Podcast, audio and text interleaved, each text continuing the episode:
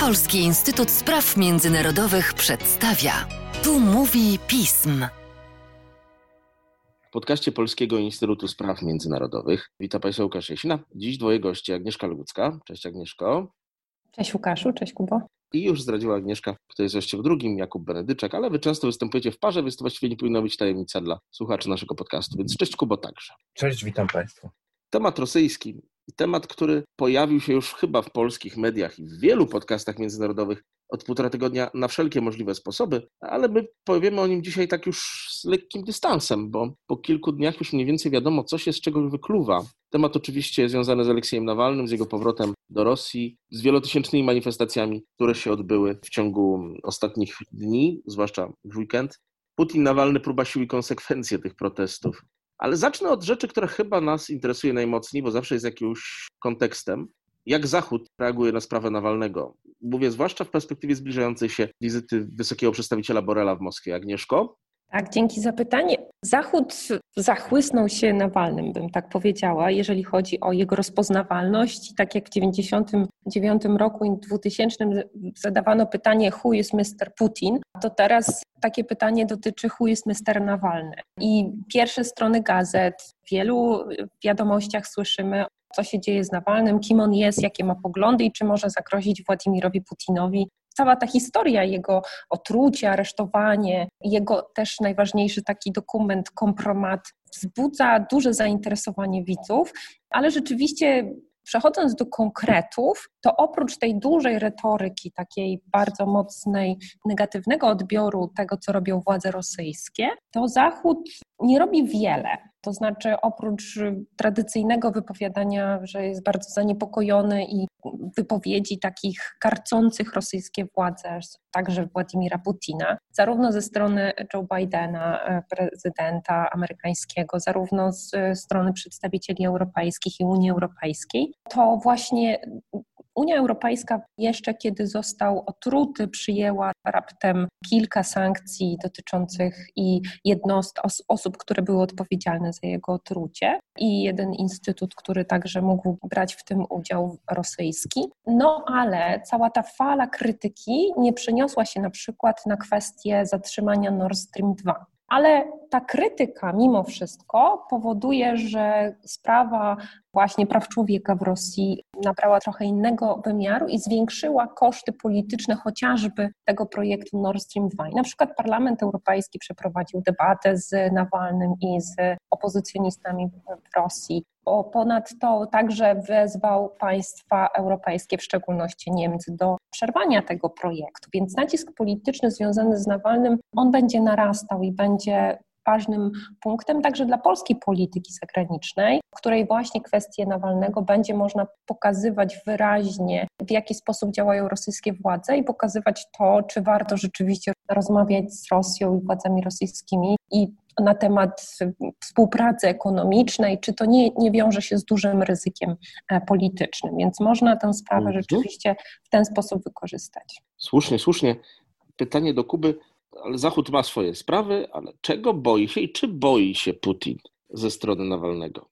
Nie wiem, czy strach to jest właściwe określenie, ale na pewno jest kilka rzeczy, które mogą e, delikatnie powodować, że Władimir Putin przestaje czuć się pewnie. Pierwsza podstawowa rzecz, jak e, e, klasyczna w polityce, to znaczy Władimir Putin jest stary, natomiast Aleksiej Nawalny jest relatywnie młody i to jest klasyczne zetknięcie młodego człowieka, który, który rzuca wyzwanie politykowi znacznie starszemu od siebie i mówi mu niemal wprost, chcę przejąć twoją władzę. Druga sprawa jest taka, że o ile do tej pory opozycja antysystemowa była bardzo rozdrobniona i to bardzo cieszyło Kreml, dlatego że udalców krytykował Jasina, Jasin miał romans z Sobczak, ale później się rozstali, Udalcow się pokłócił z Ponomariowem i tak dalej, i tak dalej. I właściwie nie było szans na to, żeby wszystkich jednoczyć w ramach jednej partii, czy nawet w ramach jednej organizacji. No to właściwie teraz innych opozycji już nie ma, nawet jeżeli nadal działają, natomiast jest niekwestionowany lider Nawalny, który jest w stanie zogniskować na sobie niezadowolenie społeczne, które gdyby wystartował w uczciwych wyborach prezydenckich, to być może mógłby nawet liczyć na około 30%. Po trzecie, Nawalny posiada ogromne wyczucie emocji społecznych i to, co jest dyskutowane szeroko na świecie, czyli na poziomie różnym, bo politycznym, literackim, widzimy to w serialach, czyli nierówności społeczne i bogacące się elity oraz ubywanie klasy średniej, pauperyzacja społeczeństwa, no to on dokładnie to wyczuwa i pokazuje bizantyjskość rosyjskiej władzy, pokazuje milionowe kontrakty, pokazuje korupcję i rozwarstwiające się społeczeństwo rosyjskie. No i czwarte, chyba najważniejsze, Nawalny, zwłaszcza filmem, który został pokazany, czyli filmem o Pałacu Putina, przełamał tabu, dlatego że do tej pory można było krytykować wszystkich w Rosji, ale świętą krową był Władimir Putin, Nawalny to przełamuje, on atakuje bezpośrednio Putina. Robił to już wcześniej, ale nie w tak radykalnej formie, wypuszcza film. No i to jest już oznaka, że Aleksiej Nawalny rzuca bezpośrednie wyzwanie e, Władimirowi Putinowi, co pewnie skończy się dla niego nieciekawie, no ale to nie zmienia faktu, że od czasów Chodorowskiego nigdy nikogo takiego nie było.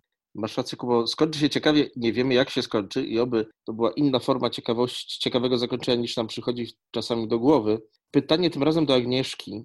Istnieją różne mity na temat poglądów Nawalnego. A jakie są przynajmniej znane Tobie i częściowo nam pewnie poglądy Aleksja Nawalnego w kontekście zwłaszcza jego przeszłości?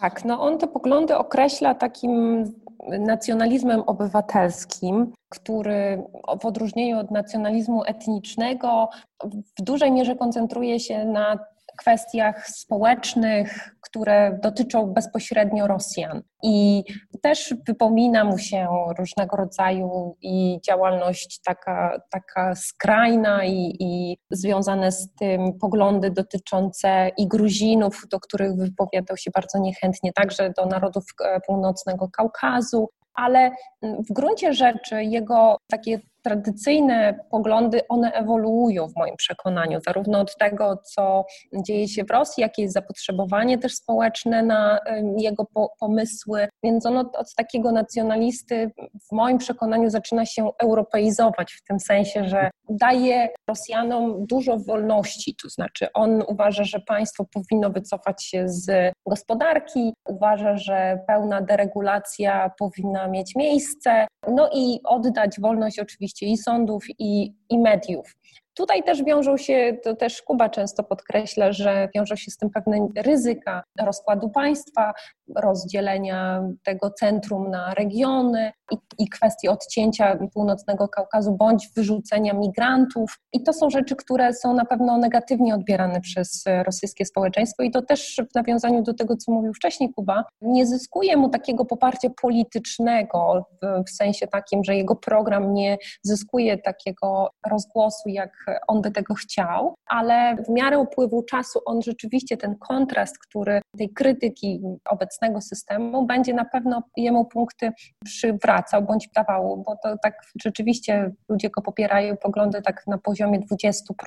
To nie jest dużo, ale co też warto podkreślić, co Kuba, uzupełnić to, co Kuba powiedział, Putin boi się kolorowej rewolucji, które otaczają go ze wszystkich stron i z Gruzji i z Ukrainy i teraz niedawno na Białorusi były takie sytuacje, które rodzą obawy przed tym, że nawet nie tyle w wyborach Nawalny mógłby zyskać e, zwycięstwo, ale właśnie w wyniku jakiegoś przewrotu, jakiejś rewolucji. Ja bym tylko chciał jedną rzecz powiedzieć, zgadzając się z Agnieszką, że nacjonalizm czy poglądy nacjonalistyczne Nawalnego się europeizują. Problem jest tylko z tym, że jeżeli się patrzy na to, z kim on przystawał sprzed dziesięcioma laty, mm, to może wywołać pewien strach, dlatego że on współorganizował tak zwane rosyjskie marsze. Ja bym nawet nie nazwał ich e, nacjonalistycznymi, tylko neofaszystowskimi. I on tam po prostu biegał ze sztandarami z zawodnikami wagi ciężkiej, to znaczy z szefami organizacji euroazjatyckich, monarchistycznych, ale najczęściej z ludźmi, którzy byli oskarżani bądź też nawet skazywani za antysemityzm, za rasizm, za ekstremizm, w tym ekstremizm religijny. Ja nie mówię, że Aleksiej Nawalny takie poglądy w tej chwili posiada, natomiast rzeczywiście to, że z takimi ludźmi 10 lat temu przystawał, budzi moje podejrzenia i zastanawia się, co się stało, że to zrobił 10 lat temu. No i oczywiście naturalny strach, że tego typu ludzie, tego typu zaplecze polityczne jakoś nie wróci, choć podkreślę jeszcze raz, na razie nie ma temu przesłanek. Ale zostaniemy z Tobą, Kubo. Pytanie ostatnie, Dobrze. trochę podsumowujące to, co w podcaście poruszyliście. dlaczego Rosjanie zaczęli w obronie Nawalnego protestować, a w konsekwencji, jakie mogą być tego konsekwencje?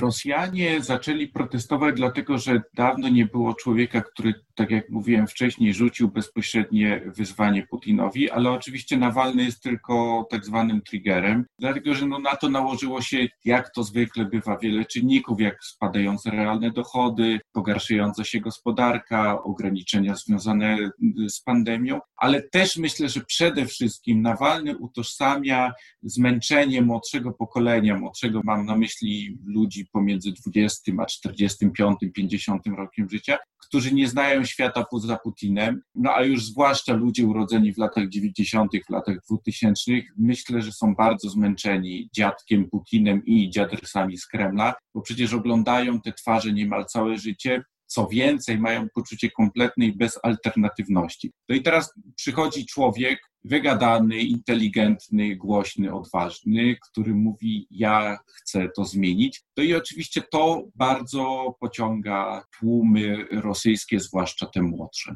I zobaczymy, co z tego wszystkiego wyniknie. A na razie dziękuję Wam i polecam też do czytania Wasze teksty na stronie Pism i Wasze występy w innych mediach. Dziękuję Agnieszko, dziękuję Kuba. Dzięki. Dziękuję.